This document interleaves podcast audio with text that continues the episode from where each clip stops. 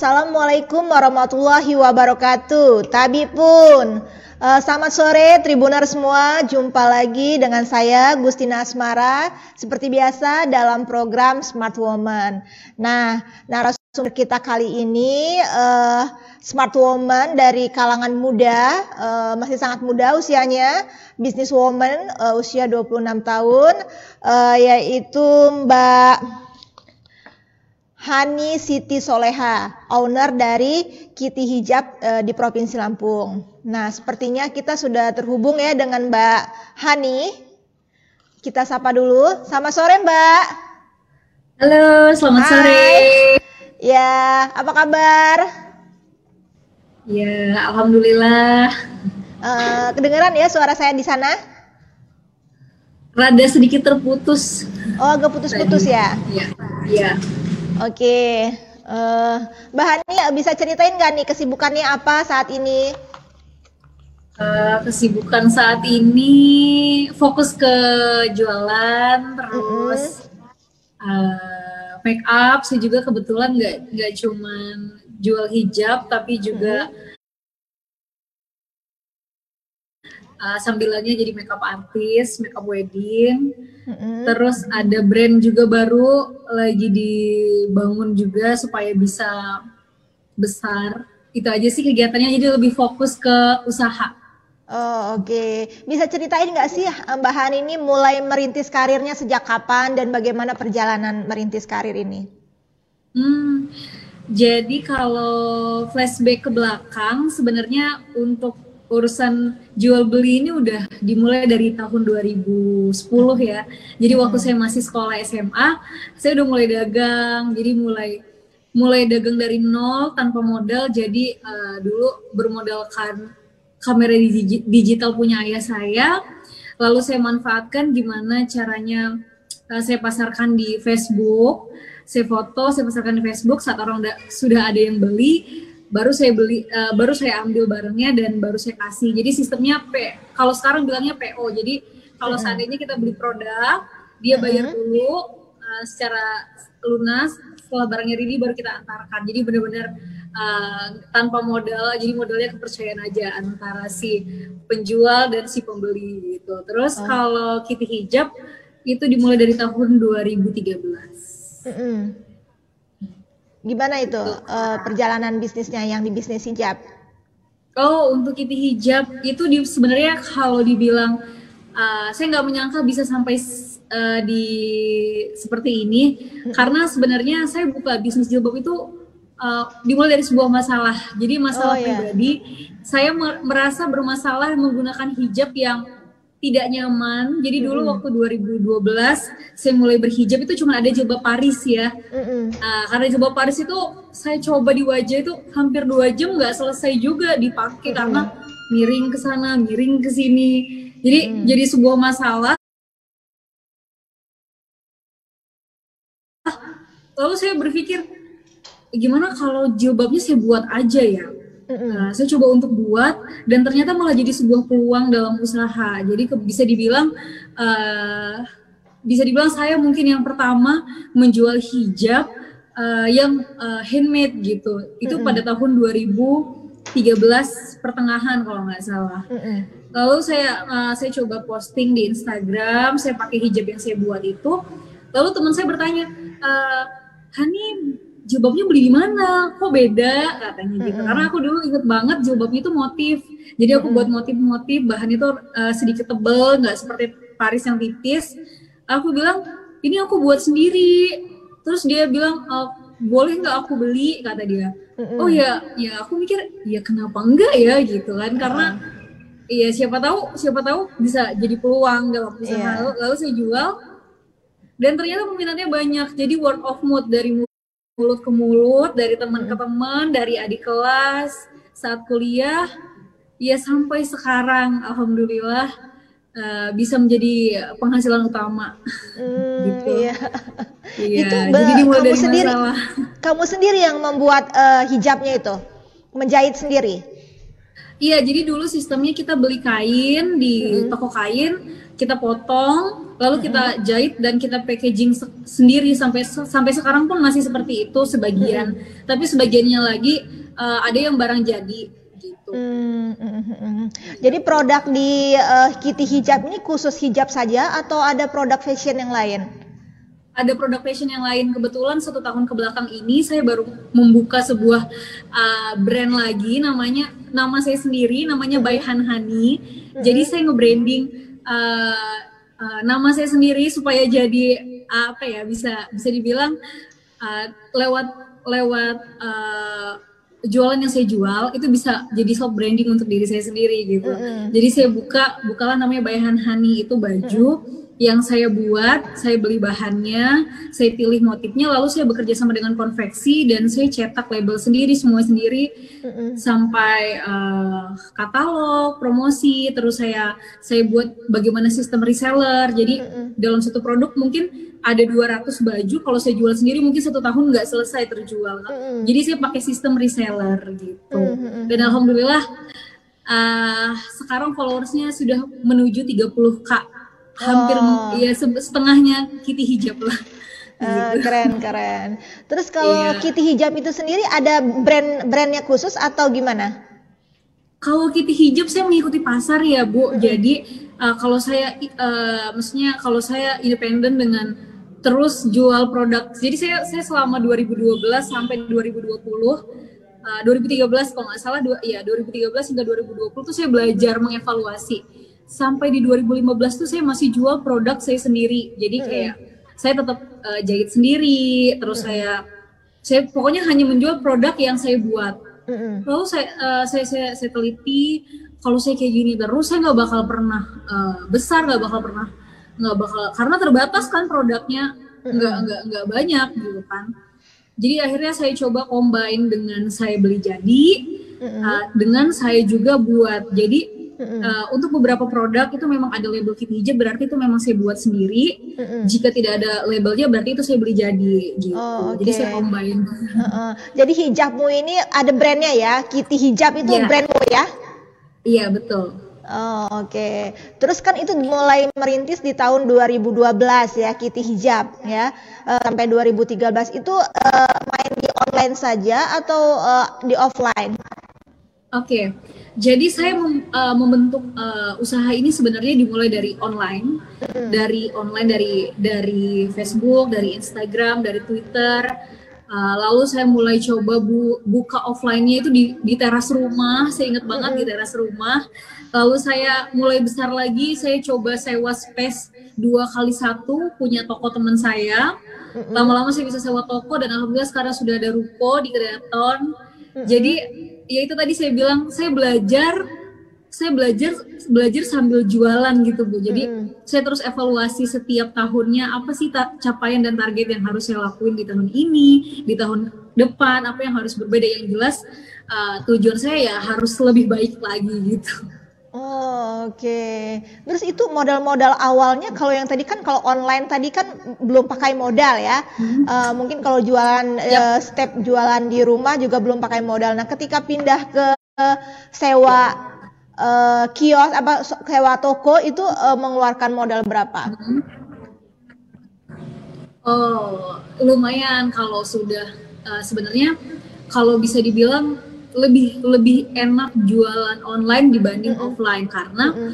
kalau online itu banyak resikonya jadi mm -hmm. seperti sewa ruko apalagi corona seperti ini pasti terdampak ya setiap penjual mm -hmm. terus ada usaha kita harus ada beban untuk hari-hari kayak uh, ya ada listrik keamanan pegawai dan lain-lain mm -hmm. tapi uh, insya Allah tertutupi kok bu mm. kalau kisaran sewa ruko uh, di atas 50 ke atas ya. Soalnya daerah Kedaton memang yang sangat apa ya, sangat aktif dilalu lalangin semua orang yang mau lewat ke jalan mana pun bisa dibilang yaitu jantungnya Kota Bandar Lampung, daerah Kedaton. Iya Mbak Hani, Mbak Hani kalau nggak salah mengawali bisnis yang tadi ini yang Kitty Hijab itu masih kuliah ya? Masih kuliah? Iya, saya semester 3 semester oh, Oke. Okay. Nah, itu bagaimana berbisnis sambil uh, kuliah? Uh, tantangannya ada.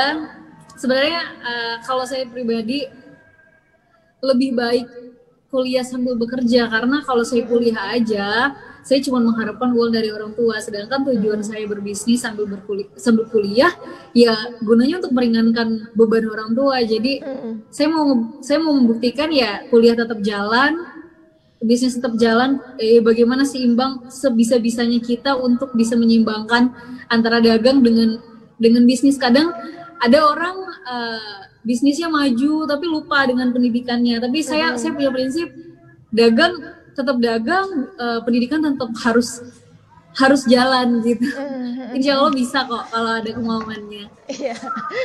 Itu modal awalnya dirimu sendiri mengumpulkan dari menabung dari bisnis-bisnis yang sudah dijalankan hmm. secara online tadi, hmm. atau memang ada bantuan dari orang tua? Oh, nol dari orang tua nggak ada. Saya mulai semuanya sendiri. Jadi uh, dari Kitty Hijab di awal pun saya nggak keluar modal bu. Jadi saat saya pakai misalnya saya pakai jilbab ini ini jilbab putih hijab contohnya saya pakai ya. Yeah. terus nanti temen nanya Hani uh, jual ya jilbabnya? Iya jual. Aku mau dong order ada warna apa aja? Misalnya ada lima warna harganya berapa? empat puluh ribu empat puluh kali lima dua ratus ribu. Uh-uh. itu pembayarannya di awal di awal. Oh, jadi okay. nanti saya selisih dari keuntungan itu saya simpan uh, modalnya memang saya keluarkan untung yang saya punya itu tidak langsung saya pakai, saya tidak langsung saya konsumsi, jadi langsung saya jadikan modal lagi. Akhirnya hmm. dengan untung 5 jilbab saya bisa punya satu satu jilbab gitu modal. Hmm. Jadi semakin banyak yang beli semakin bertambahlah modal saya karena hmm. memang kalau prinsipnya uh, orang buka usaha itu jangan konsumtif gitu loh. Jadi yeah. bagaimana caranya uang yang masuk, keuntungan yang masuk kita putar lagi jadi modal sampai yang tadinya modalnya itu bermodalkan satu jilbab bisa sampai ribuan jilbab. Gitu. Uh -uh. Uh, itu di tahun berapa kamu sudah mulai bisa uh, mengumpulkan modal sampai membuka uh, apa namanya toko itu? Uh, kalau toko itu saya baru bu, uh, mungkin di tahun 2017. Mm -hmm. 2000 ya 2016 2017 itu saya baru mm -hmm. bisa uh, ruko ya bu. Sebelumnya saya masih di rumah, masih online. Mm -hmm. Oh, Oke, okay. terus uh, apa aja uh, Mbak Kitty, apa namanya resep-resep uh, supaya bisnisnya ini langgeng gitu, jalan terus? Iya, kalau ditanya resep ya, tipsnya ya. Uh -uh. Jadi uh, saya berpesan sih buat teman-teman nih yang mau mulai usaha, uh, semangatnya harus sampai akhir Mm-hmm. Jadi jangan menggebu-gebunya di awal aja. Kalau menggebu-gebu oh, okay. di awal aja semua orang menggebu-gebu pasti. Uh-uh. Tapi kalau menggebu-gebu itu harus sampai akhir. Jadi mm-hmm. uh, kalau semangatnya cuma di awal, ya pasti bakal loyo di tengah jalan. Tapi kalau mm-hmm. semangat tuh punya prinsipnya harus semangat sampai akhir tuh sampai mm-hmm. uh, tujuan yang yang plan A tercapai ganti ke plan B, plan B tercapai ganti ke plan C. Jadi selalu semangat. Uh, Sebenarnya contohnya kayak corona sekarang ya, uh, penjualan tuh pasti terdampak. Apa pun yeah. itu, segi sektor apa pun, perusahaan yang besar aja bisa sampai tutup, apalagi kita yang bisa dibilang UMKM ya. Yeah. Tapi uh, ya itu tadi saya punya prinsip, uh, berapapun penghasilannya tetap hidup sederhana. Jadi saat uang sedikit baik-baik aja penampilan tetap seperti ini saat uang banyak pun penampilan tetap seperti ini tapi saya lebih banyak ke saving jadi saat saya kayak kita kan nggak pernah menduga akan adanya corona ini mm-hmm. saat corona pun terjadi ya alhamdulillah mm-hmm. uh, semua masih all is fine ya jadi bisa dibilang saya nggak saya tidak uh, merumahkan pekerja saya mm-hmm. saya tetap bisa menjahit tapi memang sedikit agak sedikit lambat perputarannya dibanding saat sebelum terjadinya corona. Itu aja sih. Oh, jadi okay. uh, semua yang kecil semua yang besar berawal dari yang kecil. Uh -uh. buat teman-teman terus semangat. Jadi walaupun masih masih merintis uh jangan menyerah kalau ada ada sedikit halangan. Pokoknya uh puter puter kembali kira-kira apa ya jalan keluarnya cari terus ya. Apa masalahnya terus cari jalan keluarnya gitu ya Hmm. Terus Mbak Hani, uh, kan kalau hmm. kita lihat kan persaingan bisnis di hijab itu kan sangat ketat ya. Apalagi yeah. bukan cuma masyarakat biasa, artis aja terjun juga kan ya. Banyak yeah. yang terjun ke bisnis hijab yeah. ini kan dan fashion-fashion yang lainnya. Itu bagaimana Mbak Hani uh, mempertahankan bisnis Mbak Hani ini? Oh ya. Jadi uh, kompetitor ya bisa dibilang ya. Permasalahannya adalah kompetitor. Kalau saya pribadi, saya tidak fokus kepada kompetitor, tapi saya fokus kepada branding saya sendiri. Jadi kalau kita selalu berpikir, aduh ini kompetitor, kompetitor. Kalau kita selalu fokus kepada kompetitor, kita kita sampai lupa sendiri dengan brand yang kita yang kita bangun. Jadi uh, kompetitor tuh saya anggap sebagai penyemangat. Jadi saya kalau kompetitor bisa, oh saya harus bisa nih ngebuat sesuatu yang lebih baik lagi nih dari kompetitor. Jadi bisa dibilang uh, eh, ATM ya, amati, hmm. tiru, modifikasi gitu. Yeah. Jadi kita jadikan si kompetitor adalah uh, acuan gitu loh. Jadi mm-hmm. jangan jangan selalu menganggap kompetitor tuh dengan sisi negatif, tapi ya ada positifnya juga jadi lebih semangat. Kalau jualan gak ada kompetitor kayaknya bakal flat dan terlalu zona nyaman gitu. iya kan? ya. Nggak ada ininya ya, nggak ada teman. Nggak ada tantangannya. Ya. Terus uh, apa kelebihan kira-kira kelebihan dari Kitty hijab hmm. ini? Kelebihan saya yang pertama, hmm. uh, kalau saya kan kul uh, kemarin saya ngambil kuliah S2-nya ngambil hmm. bisnis manajemen ya di Unila. Uh, beberapa ilmu yang dosen saya berikan itu saya uh, saya saya saya terapkan di toko saya. Jadi uh, kami ada dulu belajar namanya marketing mix. Jadi marketing mix itu ada tujuh ada place, promotion, price, pokoknya banyak. Jadi kalau saya ditanya apakah kelebihan Kitty Hijab? Pertama place, saya punya toko yang strategis. Jadi memang di area orang mau berangkat kuliah, pulang kuliah, ya bisa dibilang daerah Kedaton, mm-hmm. ya benar-benar tempat yang strategis. Yang kedua, saya promotionnya tidak terbatas saya saya bisa jual sampai luar negeri bahkan sampai ke seluruh Indonesia mm-hmm. karena online jangkauannya luas. Dan saya juga sebagai uh, kebetulan saya sebagai owner juga uh, jadi brand ambasadornya dan kebetulan memang saya pribadi punya followers yang banyak alhamdulillah jadi bisa membranding uh, Kitty hijab. Jadi kalau Mbak lihat saya tadi kan Mbak bilang Mbak Kitty. Jadi kalau jadi kalau saya bukan sebenarnya nggak terlalu dikenal Mbak Hani ya. Jadi sebenarnya saya dipanggilnya Mbak Kitty karena oh, Mbak Kitty, satu orang ya? saya dia lihatnya Kitty hijab gitu. Uh. Saya saya nggak masalah. Ya itu bisa saya bilang usaha saya membantu saya untuk membranding diri saya sendiri ya nggak masalah hmm. gitu kan. Walaupun nama saya Hani jadinya Mbak Kitty. Jadi kadang kalau papasan dengan orang Mbak Kitty gitu ya nggak masalah ya.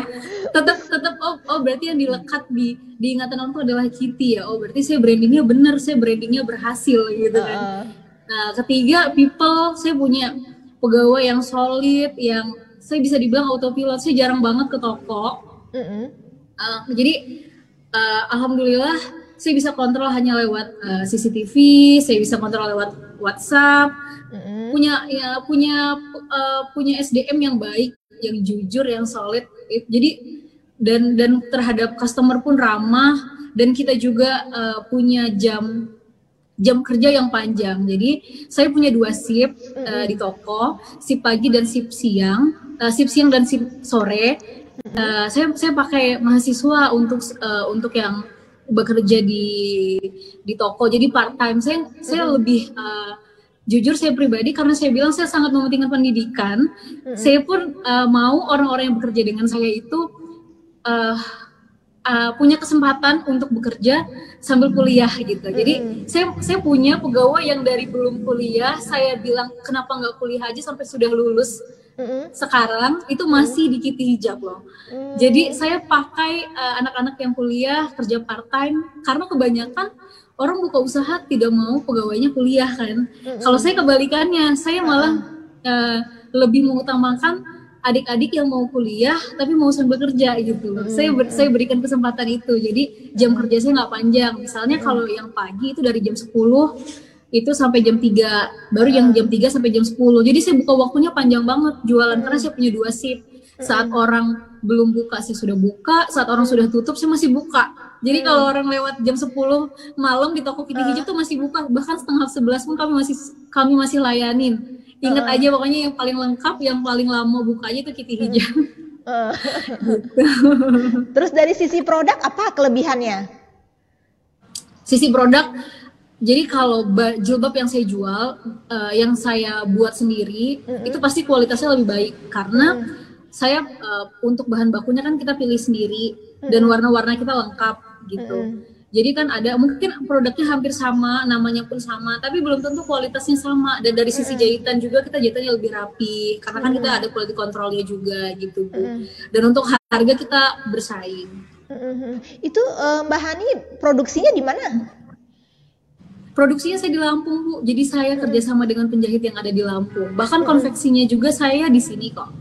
Hmm, oh oke, okay. jadi kerjasama ya dengan penjahit bukan Mbak Hani punya penjahit sendiri gitu? Oh enggak, enggak hmm. saya jadi tukang tusuk sate dong, jahit sendiri, potong sendiri, jual sendiri. Uh. Kalau kayak gitu nggak maju-maju nanti. Tapi hmm. kalau saya, saya tugasnya pribadi adalah uh, jadi uh, saya produksi, saya bagian produksi dan marketing. Hmm. Nanti di toko dia bagian distribusi, nanti ada yang bagian jahit. Jadi hmm. uh, apa ya? Saya bisa bilang yang kerja di toko saya itu bukan pegawai saya, tapi saya bilang partner kerja. Kebetulan kita sama-sama kerja bareng di Kiti Hijab, cuman beda beda bagiannya. Jadi nggak ada bos, nggak ada bawahan, kita sama. Saya selalu bilang gitu ke mereka. Jadi mereka melakukan apa yang terbaik yang bisa mereka lakukan, begitupun saya gitu. Ada berapa saat ini mitra penjahitnya?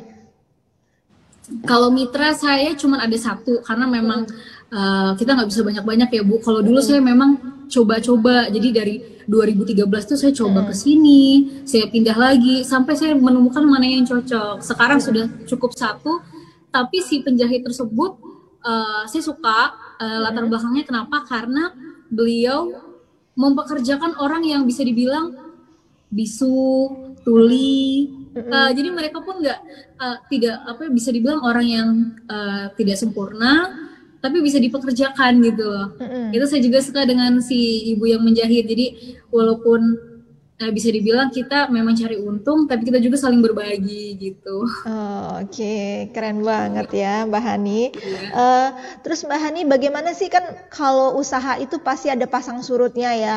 Ada mungkin saatnya di bawah, ada saatnya di atas. Nah itu Mbak Hani bagaimana menghadapi tantangan itu? Oke. Okay uh, kalau saya sendiri di bawah itu kan karena waktu penjualan penjualan tidak mungkin selalu naik, mm-hmm. pasti naik turun naik turun. Ya, nah, betul. ini uh, itu namanya kan kalau saya kan freelance ya Bu ya bisa dibilang ya. Kalau prinsip prinsipnya seorang freelance dalam saving money, dalam keuangan, kalau orang pegawai tetap mungkin dia setiap bulan gaji 5 juta. Mungkin mm-hmm 30% itu pasti mereka harus saving. Sisanya baru untuk kebutuhan sehari-hari, terus kewajiban yang harus dibayarkan. Sedangkan kalau kami yang freelance, prinsipnya saat punya uang, simpan uang sebanyak-banyaknya. Mm-hmm. Karena tidak tidak selalu dapat uang gitu kan. Mm-hmm. Jadi makanya saya bilang tadi, hmm, sebesar apa pun penghasilan saya, ya gaya hidup saya, cara saya hidup ya akan tetap seperti ini ya, tetap sederhana aja. Jadi saat bisnis turun, ya nggak masalah kita sudah hmm. banyak kita sudah simpan gitu loh saat bisnis naik ya kita juga tidak poya-poya langsung kita simpan hmm. lagi gitu hmm. oh oke okay. jadi harus pinter-pinter memanajemen uh, keuangan betul. lah ya betul oke okay. terus uh, Mbak Kiti sudah menikah ya sudah oh ini Mbak Kiti kadang bahan nih iya masih bilang ibu saya berhasil membranding diri saya oh, iya. soalnya uh, brandnya itu uh, sederhana ya jadi mudah ya. diingat ya nah iya saya juga mau kasih tips nih buat teman-teman uh, di rumah dalam penamaan sebuah uh, oh. usaha mm -mm. jadi uh, kalau dalam digital marketing itu all shop ya mm -mm. kalau buat nama itu uh, dua atau tiga lebih dari itu udah nggak kondusif jadi misalnya kalau namanya panjang ada empat misalnya ada jam uh, distributor jam Lampung uh, original orang nggak akan inget sulit mm -hmm. ingetnya terlalu banyak ada empat empat ya, empat kata uh, kata sedangkan mm -hmm. kalau saya, saya saya saya buat saya gimana gimana saya kenapa sih namanya Kitty Hijab pertama saya suka kucing mm -hmm. kedua siapa sih yang nggak tahu Hello Kitty mm -hmm. coba yeah. jadi kalau orang kalau orang ingat Kitty Kitty oh Hello Kitty gitu. Tulisannya uh. K I T T Y gitu kan. Uh. dan ditambahkan hijabnya karena saya menjual pertama adalah hijab. Jadi dalam dalam penamaan pun itu penting kalau kita buka usaha gimana caranya mudah diingat orang. Dan sedangkan nama saya Hanhani. Aduh Hanhani Hanhani. Kalau memang yang following follower saya pasti tahu baik Hanhani Hanhani gitu kan. Tapi nggak agak sulit karena uh, nama Hani itu tidak terlalu apa ya, tidak terlalu mudah dilekatkan. Sedangkan uh -uh. kalau Kitty itu siapa yang nggak tahu Hello Kitty gitu kan. Uh -uh. Contohnya kayak Jack Ma punya nama brandnya Alibaba. Siapa yang nggak tahu storynya Alibaba? Nah, gitu juga saya. Oh, gitu buat okay. namanya. Terus uh, bisa ceritain yang soal ini ya, apa namanya fashion yang tadi itu, yang busana. Oh, yang fashion. Uh, kenapa memutuskan akhirnya da, uh, selain me, apa tuh punya produk hijab juga punya produk uh, busana tadi? Oke. Okay. Uh, bisa dibilang uh, passion saya, ketertarikan saya itu di di bidang fashion ya. Mm -hmm. uh, tapi uh, saya saya lihat tren, saya lihat tren, mm -hmm. saya baca pasar ternyata pasar pada tahun 2019-2020 ini mm-hmm. adalah nursing wear dan dan dia baju rumahan homey dress. Jadi mm-hmm. karena kita di rumah aja, kebanyakan di rumah aja sampai sudah 2020 akhir kita tetap di rumah aja sekarang. Oh, iya, benar. Zoom pun di rumah aja. Siapa sih yang nggak siapa yang nggak butuh daster, baju rumahan, baju ibu menyusui, nursing wear saya bilang. Mm-hmm. Jadi uh, akhirnya itu lagi tren banget dan saya baca pasar wah ini kayaknya bagus nih kalau kita uh, seriusin di bidang ini dan ternyata setelah saya top saya keluarin langsung responnya baik banget. Baru dari situ saya mulai berpikir oh ini harus saya besarkan, saya harus cari reseller. Uh, saya nggak boleh, uh, saya harus serius dengan brand ini karena brand ini juga membranding nama saya sendiri karena kebetulan selain saya jualan, saya juga uh, bi, uh, apa ya di akun pribadi saya Hanhani saya suka endorsement hmm. terus uh, sharing jadi membantu saya untuk membesarkan nama pribadi saya juga gitu oh, makanya yeah. saya membukalah fashion ini gitu mm -hmm. modal awalnya sudah ada ya apa namanya uh, brand nama tadi ya Betul. Terus dalam memproduksi uh, produk fashionmu tadi itu uh, ada rujukan nggak? Mm -hmm Misalnya rujukannya, dirimu rujukannya fashion uh, artis mana atau apa oh gitu. gitu.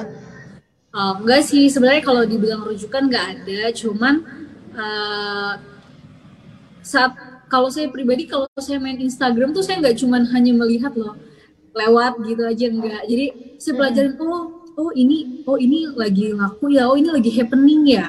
hmm Oh ini bisa jadi peluang nih, saya bisa nih buatnya. Akhirnya ya kalau saya merasa itu ternyata ada ada uh, ada peluangnya ya saya jadikan itu uh, sebuah ya, se, jadikan sebuah usaha gitu misalnya mm-hmm. lagi musim uh, bajunya kerah, uh, tangannya seperti ini nih jadi biar wudhu friendly tapi tetap cantik jadi saat mm-hmm. kita wudhu nggak turun-turun oh oke okay. yeah. ternyata lagi happening saya buat gitu loh oh. saya kayak gitu gus sebenarnya nggak nggak ada rujukan yang saya harus mm-hmm. seperti uh, si desainer ini enggak sih mm-hmm. gitu jadi lebih melihat pasar aja oh, oke okay. jadi melihat kebutuhan ya kira-kira ini lagi iya, trennya betul. apa gitu ya betul oke okay. terus dirimu terjun langsung dalam pemilihan uh, apa tuh materi bahan gitu yep.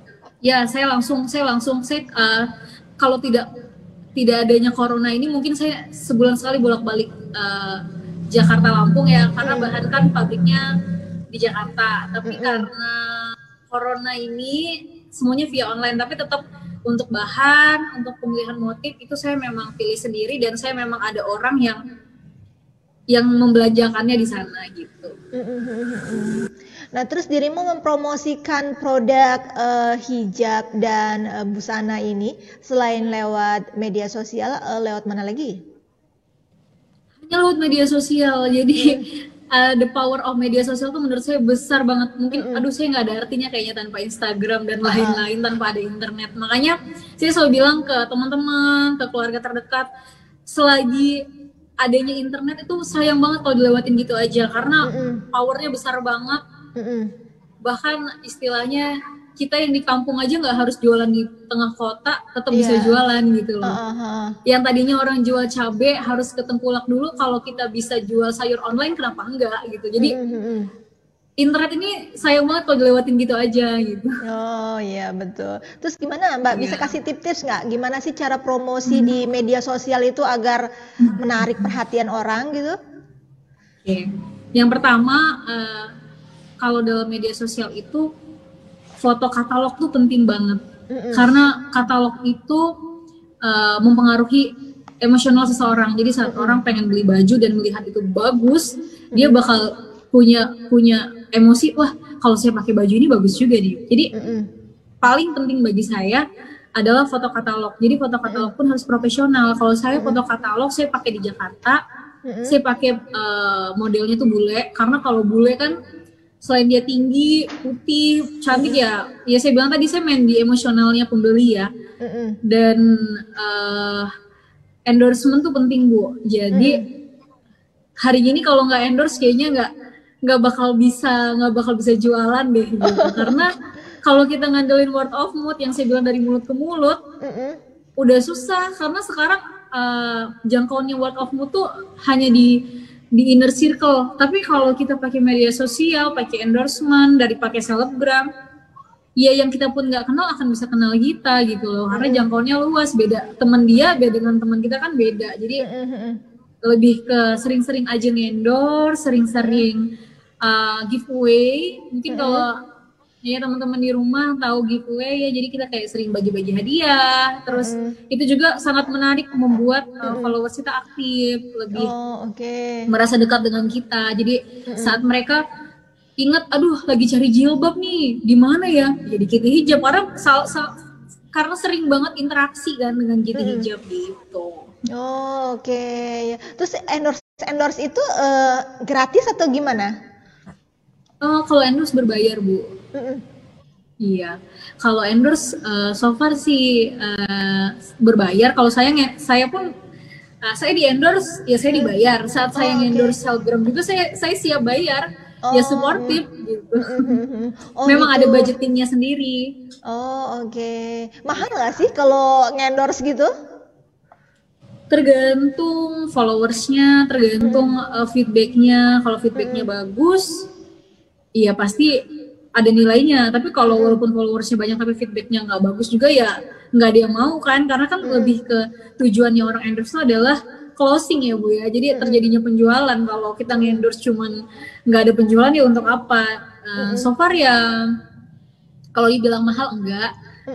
Ya worth it. Jadi contohnya saya pribadi ya kalau saya uh, visit store ke sebuah toko gitu itu saya dibayar lima ratus ribu mm-hmm. satu kali datang ke toko itu dan saya mereview uh, semua produk yang ada di sana mm-hmm.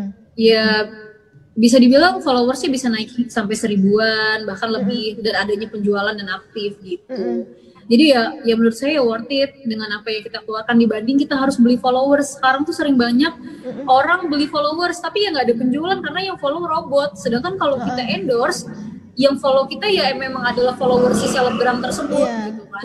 Dan itu memang manusia dan dan ya saya bilang tadi kalau manusia punya punya emosi punya apa dan dan ingin beli ya kalau dia ngerasa oh selebgram yang dia follow saat pakai baju itu bagus jadi pengen juga pengen kembaran ya akhirnya beli terjadilah closing. Tapi kalau kalau beli followers saya nggak menyarankan buat teman-teman yang baru merintis usaha uh, jangan sekali-sekali deh beli followers karena ya untuk apa followersnya banyak tapi nggak ada penjualan kan tujuannya adalah penjualan ya bukan followersnya mm-hmm. gitu. Berarti kalau menentukan endorse juga pilih-pilih ya yang banyak iya. ininya followernya gitu? Iya, jadi bisa dibilang riset kecil-kecilan ya Bu. Saya kalau mau endorse orang, saya pasti follow dulu minimal satu dua bulan. Saya mau lihat uh, gimana sih dia kalau endorse menarik nggak sih terus uh, banyak nggak sih yang respon dengan endorsement dia gitu. Jadi saya memang lihat-lihat dulu jangan sampai hmm, terjebak. hmm. bahkan saya sudah sudah follow lama aja saya masih kadang suka terjebak zone endorsement sih bu. Hmm, gitu. Saya pernah endorse 3,5 juta satu story cuma naik 70 orang. Uh-uh. orderan mungkin cuma dua. Bayangin uh. 35 juta 3,5 juta loh. Kalau dijadiin modal lo bisa beli jilbab berapa gitu kan. Tapi ya itu saya tadi bilang uh, ya pasang surut ya pasang surut hmm. sebuah sebuah usaha ya jadi nggak ada yang pasti kalau pasti ya semua orang mau jadi pengusaha gitu kan yeah. cuman ya itu tadi kalau kita uh, saving money kita hidupnya sederhana kita punya hmm. ya walaupun kita rugi 3,5 juta ya masih ada uang yang lain insya Allah gitu hmm. jadi nggak cuma berharap di satu itu aja Oh, Oke, okay. itu dirimu yang endorse tadi ada selain endorse mungkin selegram di provinsi Lampung, hmm. ada yang artis gitu apa gimana? Uh, kalau saya buat, jadi saya punya dua brand, Kitty Hijab hmm. dan Bayhan Hani itu saya buat dua dua dua kolam bisa dibilang kolamnya ini ikan lele, yang ini hmm. ikan laut gitu ya. Oh, jadi okay. kalau untuk Kitty Hijab hmm. itu memang saya fokusin ke Lampung karena kan saya punya tokonya di Lampung. Jadi saya harap penjualan saya itu terjadinya di sekitaran Lampung untuk lokal. Tapi di Bayhan Hani karena saya belajar dari Kitty Hijab, oh saya kalau terus-terusan pakai lokal ya bakal segini-gini aja. Saya harus mm. mulai keluar, saya harus harus bisa go nasional gitu kan. Mm. Akhirnya saya punya konsep di Bayhan Hani ini target penjualan saya adalah luar Lampung. Jadi yang saya endorse pun selebgramnya Palembang, Jakarta, mm. Bandung. Jogja. Jadi saya cari yang jauh-jauh bahkan sampai Kalimantan saya puterin. Saya harus cari nih selebgram-selebgram yang gimana penjualan saya bisa sampai keluar gitu. Memang saya buat dua mix. Jadi yang memang lokal dengan yang nasional. Oh, Oke, okay. jadi produkmu yang uh, fashion tadi busana tadi udah menasional ya? Sudah nasional, penjualannya hmm. sudah di luar. Kebanyakan sih Batam, Medan gitu. Hmm. Ada yang sampai eh, pemesan dari luar negeri nggak? Kalau Kitty Hijab yang sampai luar negeri, tapi kalau Bayana hmm. Hani belum sih bu, belum. Hmm, Oke. Okay, Karena okay. baru kan baru satu tahun juga, belum terlalu kedengeran brandnya. Mm-hmm. Jadi masih loading, makanya doain aja. yeah. uh, kalau dibandingkan antara Kitty hijab dengan uh, apa tadi busana Hani tadi, uh, itu lebih sekarang-sekarang ini lebih banyak mana yang uh, bagus penjualannya? Imbang, imbang oh, sih. Imbang. Jadi kalau ya itu tadi kalau kalau Bayhan Hani kan dia terbatas ya. Aku hmm. sekali launching keluar habis ya udah nggak bisa jual lagi. Karena kan memang produknya kan kita buat sendiri dan terbatas. Tapi kalau bayar kalau Kitty hijab itu terus banyak. Jadi uh, ya omset itu kalau saya normal ya bu kalau nggak corona nih saya bisa sampai 200 makanya padahal saya jual jilbab dua puluh ribu loh bu. Oh, oh murah ya? Jilbab Bella Square. Jadi kalau uh. teman-teman ke Kitty hijab follow nih cari aja jilbab Bella Square tuh dua puluh ribu. Bayangin saya jual jilbab dua puluh ribu tapi ya alhamdulillah uh, omset ya bagus dan bisa ya bisa bayar pegawai itu udah. Ya bisa saving lah saya bisa bayar kuliah saya bisa banyak lah yang saya capai ya alhamdulillah cuman karena jilbab dua puluh ribu gitu loh. Oh. ya makanya saya bilang jangan kalau kalau apa ya kalau kita usaha jangan lihat lihat jualannya. Kita nggak bisa nakar duitnya soalnya iya gitu uh, pekerjaan bahannya ada berapa sekarang kalau yang jaga, ya. uh, kalau yang jaga itu dua dua, dua mm pagi dua dua sore. Mm -hmm. Tapi uh, yang kerja di belakang masih ada beberapa lagi. Mm -hmm. gitu. Oh oke. Okay. Uh, itu ini ya dirimu tidak selalu terjun langsung uh, memantau ya ke toko ya? Iya, autopilot. Jadi kalau usaha semuanya kita, akhirnya kitanya uh, apa ya? Kita kan buka usaha dengan niatan punya kebebasan finansial ya hmm. biar bisa menikmati uang yang kita pakai tapi kalau kitanya tiap hari kerja di toko gimana menikmatinya gitu kan jadi tujuan saya buka usaha kan supaya supaya waktu saya bebas uh -uh. tetap bisa punya penghasilan tapi di rumah aja. Ya saya gunakan sebaik-baiknya lah waktu yang ada. Makanya saya saya saya uh, membentuk membentuk tim di Kitty Hijab juga nggak butuh waktu sebentar ya memang ya ada prosesnya nggak nggak langsung dapetin yang bagus pegawai enggak tapi ya kita juga melatih mereka sampai ya sampai baik sampai sesuai dengan sampai sesuai dengan apa ya tujuan kita punya pegawai yang seperti apa ya ya dengan tujuan ya kayak saya tadi tujuan saya sih nggak mau tiap hari toko saya bosan lah saya tuh saya maunya saya jadi jadi jadi si marketing aja udah cukup gitu loh. Jadi sisanya mereka yang nganuin kalau kalau saya yang marketing, saya yang jahit, saya yang nunggu dagangan. Abis kapan ya? nikmatinnya? Ya? Iya, kapan nikmatinnya gitu kan? Ngapain gitu. Iya. Terus Mbak Kitty udah menikah ya?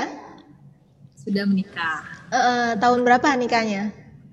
Saya nikah tahun 2018. Oh oke, okay. masih baru ya, iya. masih dua tahun ya. Iya dua tahun. Uh, ya gimana uh, dukungan dari suami terhadap bisnis Mbak Mbak Hani ini? Uh, Alhamdulillah semenjak semenjak dengan uh, ya itu tadi kan kalau orang bilang kalau menikah rezekinya jadi dua ya. Saya malah merasakan setelah menikah jadi lebih apa ya lebih besar bisnis yang saya bangun. Tadinya saya belum belum berani loh untuk ambil ruko dan semenjak menikah semenjak kenal dengan suami ya akhirnya itu tadi jadi semakin membesar bisnisnya. Alhamdulillah ya dukungannya ada terus ya doanya ada ridhonya ada ya. Jadi alhamdulillah aja Oh, oke. lancar jadi Suami usahanya. juga ikut eh, apa suami juga bisnismen? oh enggak suami saya pegawai BUMN biasa Oh, oke. Jadi benar-benar support ya 100% dengan eh, bisnis Mbak Hani ini. ya Nah, terus dirimu sendiri membagi waktu antara eh, bisnis dan keluarga eh, bagaimana? Sebenarnya kalau lebih sulit lagi kalau membagi dengan kuliah dulu. Oh, Cuma saya iya. baru selesai kuliah, saya Uh-uh. baru selesai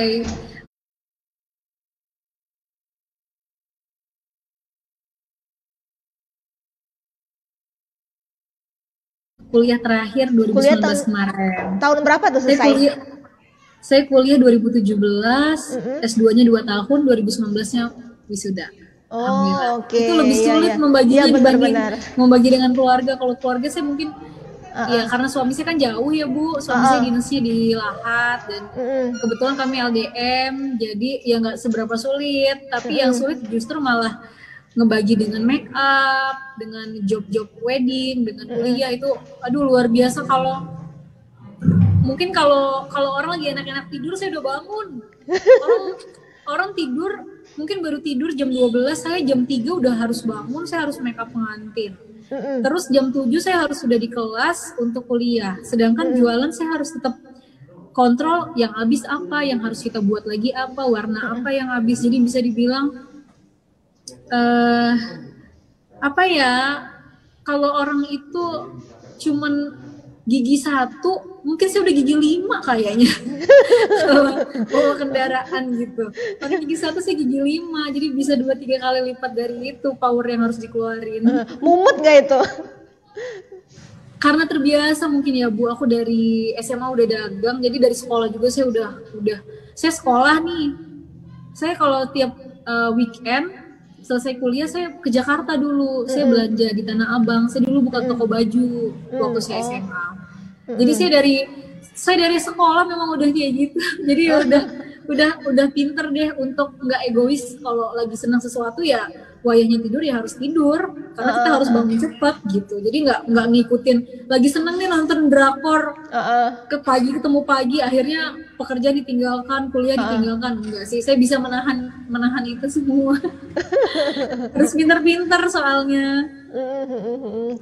Terus Mbak, eh, Mbak Hani dirimu kan udah eh, terjun di hijab, di busana, terus k- itu terjun lagi di make up artis? Apa enggak? Kebanyakan?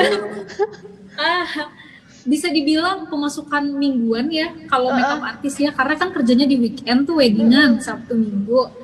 Tapi kalau si Kitty kan Senin sampai Minggu ya muter terus omsetnya juga pemasukannya kan. Jadi bisa dibilang Kitty itu pemasukan harian iya.